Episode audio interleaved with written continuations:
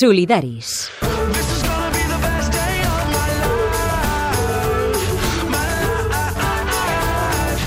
Cada dissabte, de 3 a 4 de la tarda, a Catalunya Ràdio. A veure, mites de fer-se gran en un país desenvolupat. Amb Adrià Bas.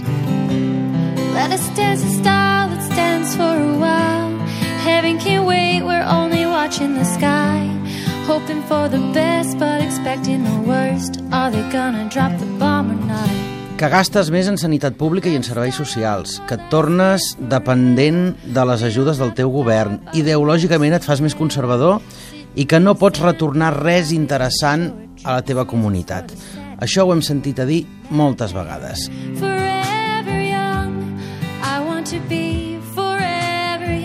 Me'n deixo algun, senyor Jordi Baquer, director Europa de les Open Society Foundations? Doncs potser eh, ens deixem eh, algun d'aquests prejudicis que tenim amb la gent gran sobre el fet de que la gent gran és un grup homogeni, amb tots amb els mateixos interessos, que voten en bloc, que no canvien d'opinió i que són, com si diguéssim, una mena de, de massa informe, no? Així com si, com si la gent, quan arribéssim als 65 anys, de cop i volta deixéssim de tenir opinions pròpies. Per cert, bona tarda i benvingut als Solidaris. Gràcies, bona tarda. Ara ho, ho ha dit, eh? Hem passat de mites a prejudicis. És molt fina, eh, aquesta línia? Sí, i a veure, com sempre, eh, hi ha algunes bases de realitat. Sí que és veritat que com més gran un es fa, mm. gasta més en sanitat. Això no és ni tan sols un mite o un prejudici, això ho podríem, ho podríem Demostrar, contrastar amb dades. dades, Exacte. exacte. Però el que hem de pensar, sobretot, és fins a quin, fins a quin punt no estem deixant que les coses que sabem de la gent gran i les coses que ens imaginem de la gent gran no ens estiguin fent imaginar un subjecte polític molt diferent del que en realitat és. Uh -huh. A Europa diuen que està envellida. Què li passa a Europa, senyor Baquer? Quins països ho noten més, quins països ho noten menys? Doncs mireu, Europa, jo sempre dic, per sort, està envellint, perquè la, la, les alternatives a no envellir serien o bé morir-nos abans, Mm, no sé-hi, o bé exacte. tenir molts més fills, cosa que el planeta no sé si ho aguanta ja, tenir tants més fills. Per tant, per sort ens envellim, hi ha països que s'envelleixen més ràpid a causa de la emigració, els països més envellits d'Europa són alguns països d'Europa de l'Est, hi ha altres països que ens envellim, Perquè vol dir aquí. que la gent jove n'ha marxat. La gent jove n'ha marxat i la gent que hi queda, a més a més, té unes tasses de fertilitat molt baixes mm. i molts són gent gran. Mm. I això també passa doncs, als països d'Europa del Sud, on també la fertilitat és molt baixa. En aquests moments hi ha paï de països europeus amb una demografia, diguem-ne, més o menys dinàmica i, i on no hi hagi un procés d'envelliment accelerat, potser el més gran i el més conegut és França. Uh -huh. En quina situació està França? Una situació una mica millor, hi ha una natalitat, unes tasses de natalitat més altes, hi ha unes polítiques familiars més, més positives i hi ha moltes més famílies, això és quasi visible si un viatja per França, moltes més famílies amb 3 i 4 fills que ara, doncs, per exemple, a Itàlia, a Grècia o a Espanya se'n veuen ben poques. Diuen dades de la Comissió Europea que l'any 2050 la previsió és que a Europa el 30% de la població tingui més de 65 anys. Uh, sovint es parla d'aquest envelliment demogràfic com si fos ben bé un problema, quan en realitat el problema no és que hi hagi gent més gran, sinó que el problema en realitat seria que no hi hagués natalitat, que no hi hagués eh, regeneració, no? que no hi hagués relleu en aquest cas. Per què està tan mal vist fer-se gran? Mireu, jo crec que, el, que el, la demografia a vegades la tractem com si, com si fos un problema. Jo crec que l'hem de tractar una mica com una realitat. Uh -huh. eh? És a dir, eh, som la societat que som, jo, jo espero l'any 2050 seguir viu, per tant espero que es compleixin aquestes prediccions i que, Exacte. i que, i que molta gent més doncs, hi arribi. El que passa és que tenim una mica la, una visió, a vegades, terriblement utilitària i econòmica, i a vegades ens oblidem de que algunes coses, de fet, són coses que hem aconseguit, són coses que socialment està molt bé. No només envellim, envellim molt millor. Una persona de 70 anys avui en dia no té res a veure mm. amb, el que, amb la qualitat de vida i l'esperança de vida que tenia una persona de 70 anys fa dues dècades o fins i tot més. Però digue'm una cosa, la l'esperança de vida i la qualitat de vida han crescut al mateix ritme? A veure, eh, a les mateixes edats les qualitats de vida són millor, és a dir, mm. Quan una persona té 60 anys, en general sol estar millor de salut que quan una persona tenia 60 anys fa 25 Ara en fa anys. 25 o 30. Ara, una persona de 90 anys, en general, té pitjor salut que una de 60, això sí que és veritat. Mhm. Mm -hmm. Per tant, si hom arriba més i més i més enllà en la vida, és bastant esperable que en els últims anys tingui pitjor qualitat de vida. Però això no vol dir que a la mateixa edat no tinguem una qualitat de vida bastant millor i una, una salut bastant millor amb totes les excepcions que calgui, evidentment, i amb malalties noves, etc. Però en general, la, la grans trets, sí, és veritat, envellim millor i gràcies a això durem més temps. I, I això, en quina manera, en quina mesura influeix en la imatge que tenim la resta de la població d'això que en diem la gent gran. Tu ara has començat eh, aquesta xerrada, perdona que ara ja he passat a parlar-te de tu, eh? Cap problema. Has començat parlant de que tendim a pensar que la gent gran és tot un bloc únic, uniforme, no? Uh, de quina manera aquesta millora en la qualitat de vida i en l'esperança de vida també, uh, també té conseqüències en la imatge que tenim d'ells? Com els considerem, vaja? Mira, per començar, eh, hi ha, una, hi ha una, una qüestió molt bàsica, que és que hi ha diferències enormes dins del grup de les persones que han, que han passat dels 60 o dels 65 anys, no? Mm, mm. Eh, algunes d'aquestes persones fan esport, viatgen, eh, treballen en, encara, en molts casos, o, o fan funcions socials que potser no estan en una feina remunerada, però fan d'avis o fan altres, altres funcions importants, i n'hi ha d'altres que estan molt malalts, en situació de gran dependència, etc etc. Llavors, la diferència que a més a més pot arribar a abarcar 20, 25, 30 anys, és molt gran. Nosaltres vivim en una societat que, per una banda, a nivell estètic, a nivell de formes de vida, idealitza la joventut. De fet, gent de 40, de 45 anys ens estem sentint a dir encara és que tu encara ets molt jove com si fos Com si una fer-se cosa bona. gran fos un problema, Clar, com vaja. si fer-se gran fos un problema. Sí, exacte. I, per tant, quan algú ja no pot amagar més que s'ha fet gran, doncs llavors sembla com que sigui una mica de vergonya, com si no ho volem veure. Això és una cosa que passa a la societat. Per altra banda, això potser passa en els mitjans de comunicació, això potser passa en la societat cap a fora, però dins de les famílies tenim aquesta vivència. Mm. Dins de les famílies és un espai de, gran, de, de convivència entre generacions. Llavors, la gent gran, en el fons, per més que siguin puguin ser abstractes en l'espai públic, en la publicitat, per exemple, se'ls veu molt menys que els joves, queda més maco algú jove per vendre, I quan se'ls veu, se'ls ven com a aquell gran que excepcionalment està molt jove. Sí, però alhora aquesta, aquestes persones grans mm. són les nostres mares, àvies, Sí, exacte, tietes, tietes exacte, àvies, exacte. i convivim, i per tant és difícil, és difícil que s'arribi a deshumanitzar completament aquest grup. Mm. I això és una de les, de les raons per les quals jo dic no hi ha una massa informe de gent gran que no sabem qui són, perquè tothom tenim experiències de veïnes, de, de, de parents, de, de pares, que dia a dia hi convivim. I Clar, és difícil potser- els estereotips de, amb algú que vius tan a prop. Clar, però llavors potser és que ens equivoquem a l'hora d'utilitzar el factor edat com un element comú que, que creï conjunt. Sí, a veure... Perquè entenc que amb cada persona eh, doncs, hi haurà altres factors que l'han conduït a ser com és, la història personal de cadascú, la, la, la feina a la que s'ha dedicat, els estudis que té, sí. independentment de l'edat. Mireu, el, el Centre de Cultura Contemporània i l'Open Society Foundations hem estat fent justament un estudi mm -hmm. sobre com es comporta la gent gran a nivell social i a nivell polític i, un, i la primera conclusió, la més important i la més òbvia, és que hi ha tanta heterogeneïtat, hi ha tanta diferència dins del grup de la gent gran com hi ha entre els joves. Clar. Ni més ni menys. És més, donat que aquestes persones tenen tota una trajectòria vital diferent al darrere, mm -hmm. potser fins i tot n'hi pot haver més, perquè poden haver acumulat Clar, més... experiències. Exacte, experiències Exacte. diferents de la d'altra gent de la seva edat. Sí, sí. Estan unides a l'altra gent de la seva edat per dues, per dues coses. La primera és l'efecte propi de l'edat, potser perquè estan jubilats, potser perquè tenen problemes de salut, pel que sigui, mm. i el segon efecte és l'efecte cohort, perquè han viscut els mateixos fenòmens durant la seva vida. Aquest efecte jo sempre l'explico amb un exemple eh, que a mi em sembla molt clar. La gent de més de 65 anys, a Anglaterra, molt majoritàriament va votar per sortir Del Bre- Brexit. Del Brexit, sí, per sortir del, de la Unió Europea.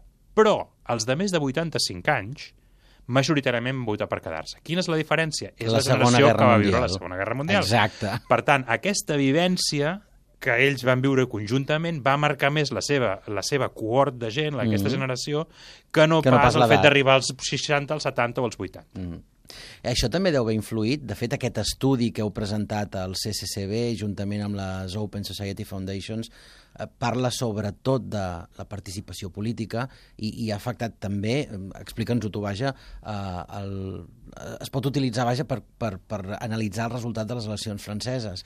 Com la gent gran no va arribar a votar Le Pen com tothom es pensaria que, que podien Sí, fer. sí, sempre hi ha, hi ha una mica una, una mena de, de, jo diria, quasi bé associació mandrosa, mm. que és, si algú es fa més gran, es deu fer més conservador.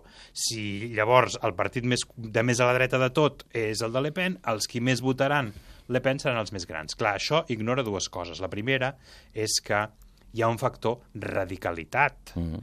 I és veritat que la gent més gran no tendeix a, a, a votar els partits més radicals.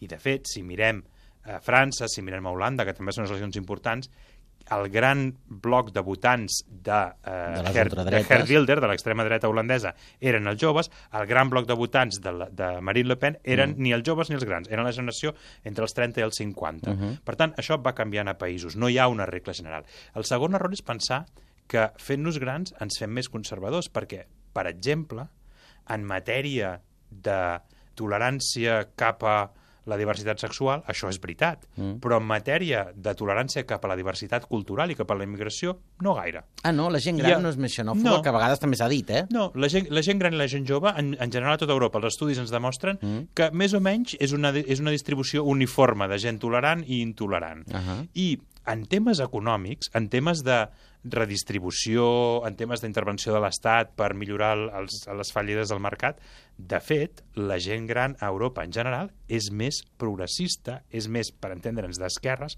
que la gent jove. Per tant, en cada aquí, tema... Aquí on està el, mínim, el, el, comú denominador, és a dir, el per què això és així. Si no és la- si no és l'edat, Sí, deu ser un factor històric. és, és els factors, és els factors de, que dèiem abans de les experiències vitals. Són unes generacions que han viscut a tota Europa la gran, la gran expansió de l'estat del benestar, mm. que han tingut oportunitats educatives, oportunitats de sanitat, etc etc i que consideren que això hauria de seguir existint en societat. Mentre que algunes generacions més joves pensen que més aviat s'ha de donar més paper a l'empresa, més paper al sector privat. I això, per tant, és un, no és una qüestió de que l'edat ens torna conservadors, és que és una qüestió que les vivències de cada generació han sigut diferents. Si mirem en, en, en alguns casos molt extrems, per exemple, el cas d'Europa de l'Est, mm. on hi ha, eh, com sabeu, una, una gran hostilitat cap als refugiats i una gran hostilitat cap a, cap a la immi- immigració, que allà no n'hi ha gaire, però la, diguem-ne, mm. encara sense haver-n'hi hi ha molta hostilitat, en aquests països nosaltres, en un estudi interessant que vam fer, vam veure que el grup d'edat menys hostil als refugiats era precisament els de més de 65 anys Els més grans. eren els que bé sigui per fe, no? per, per, Per religió. per religió Sí, per diguem-ne, creença religiosa. per creença religiosa. Bé sigui per la, pel fet de que Hongria va ser un país que va enviar molta gent a l'exili l'any 56 i per tant se'n recorden de quan els hongaresos havien sigut exiliats. Se'n Bé, recorden? Probablement ho van patir en persona Sí. i ara tenen aquell gest de voler-ho retornar. O senzillament per purament empatia d'àvies... Per solidaritat. empati- solidaritat. No, I jo crec que no, no, hem de, no hem de tampoc menysprear doncs, que, que els valors i que l'empatia funciona diferentment. Mireu, jo un altre exemple que, que sempre poso és, és el tema de l'antiracisme. No? La, la tendència de la societat és a pensar que el, els que són menys racistes és la generació jove, perquè són els que han estat en classes amb gent de tot el món, Més barrejats, gent més, més- barrejada i més tot en això. contacte. I, nos, i, I nosaltres coneixem una, una, una entitat anglesa que va treballar molt aquest tema, qui era el, el militant antiracista més efectiu. I la, I la seva conclusió va ser que no són els joves amb la carpeta que han, han, han viscut aquesta, aquesta multiculturalitat a la classe i, aquest, i aquesta, diguem-ne, barreja de races, sinó les dones de mitjana edat en amunt, les mares, Les per entendre's. Molt més creïbles en societat, molt més resistents als missatges d'odi, molt més constants en, la, en el seu activisme. Per tant, a vegades ens perdem una mica el potencial que tenen mm. les persones de mitjana edat o més grans a l'hora de, canviar la, de canviar les coses, de canviar la societat, de ser activistes. Mm. No són activistes de la mateixa manera que els joves, però de fet ho són en la mateixa proporció i a més a més voten molt més. De fet, en general l'estereotip és els joves voten poc i els grans voten molt. I en general a, tot, a quasi tot el món això es verifica. Però a partir d'una determinada edat no és l'avi ja no surt a votar perquè No. li fa mandra sortir de casa? No, no, com, ja quasi, quasi, fins, fins, mentre estan bé de salut, la gent, la gent gran a quasi tot el món vota més. Uh -huh. Excepcions, hi ha una excepció molt, molt clàssica, no?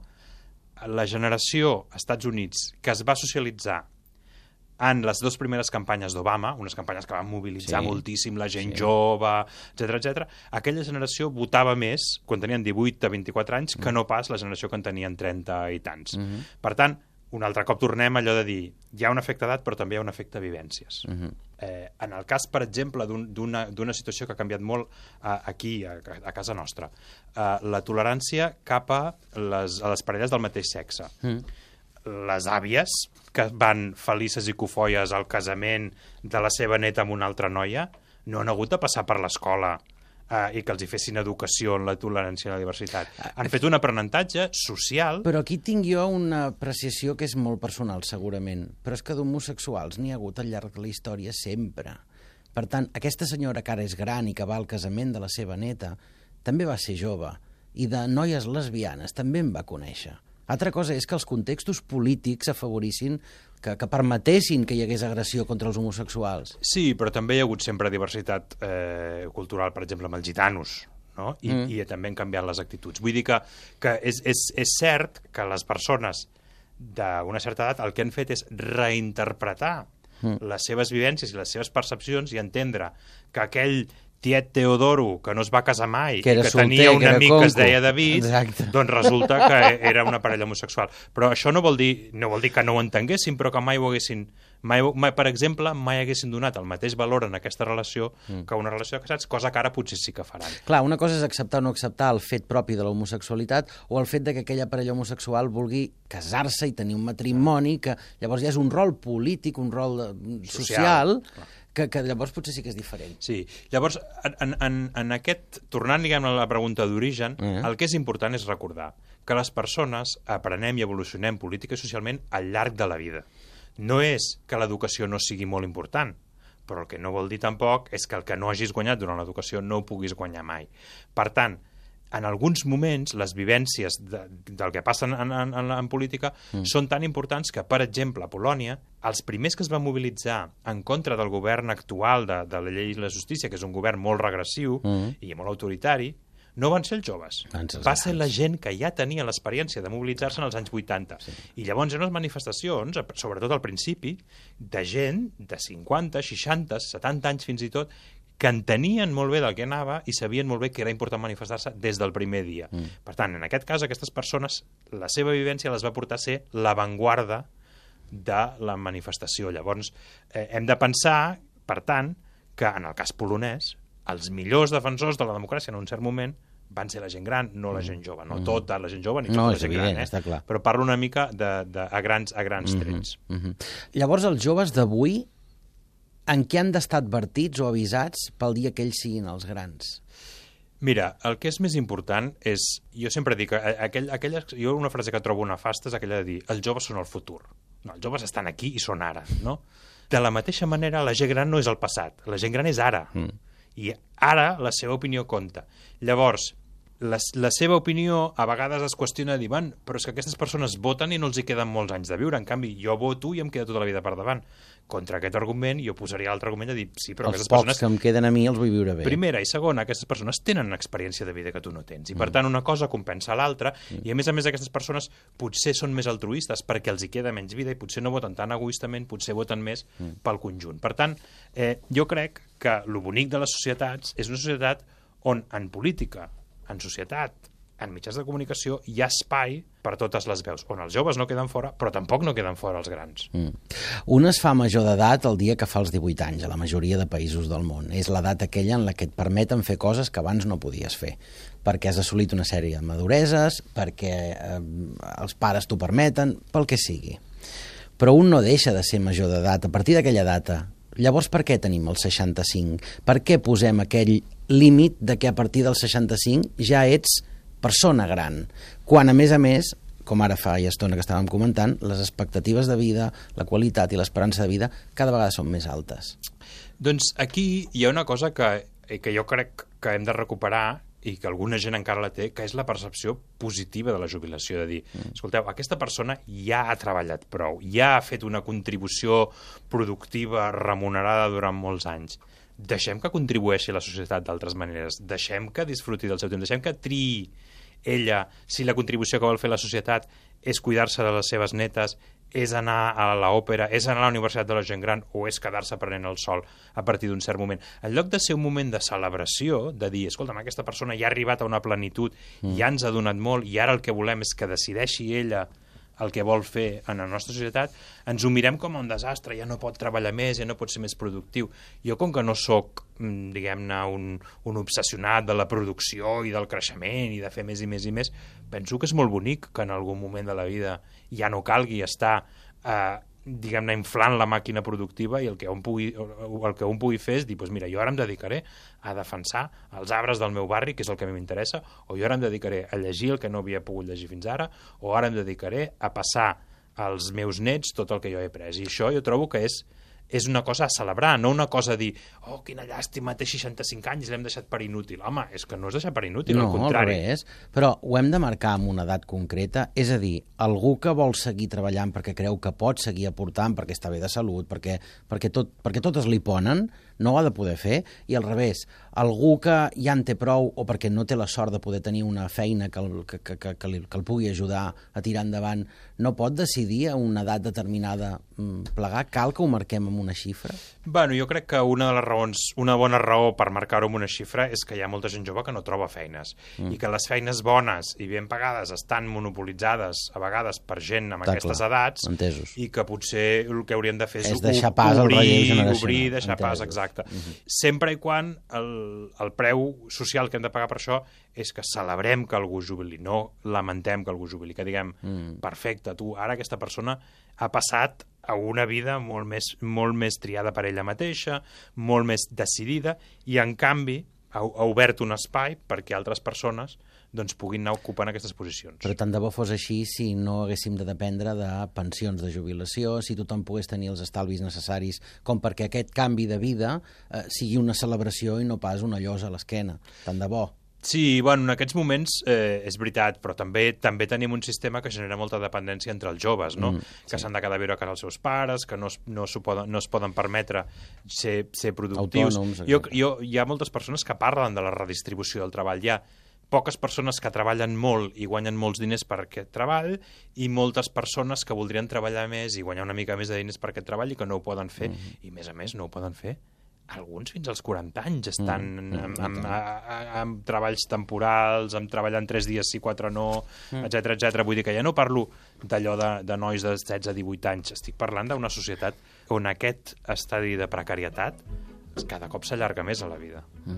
Avui hem parlat del valor de fer-se gran amb el Jordi Baquer, que és el director a Europa de les Open Society Foundation. Jordi, moltes gràcies. Gràcies a vosaltres.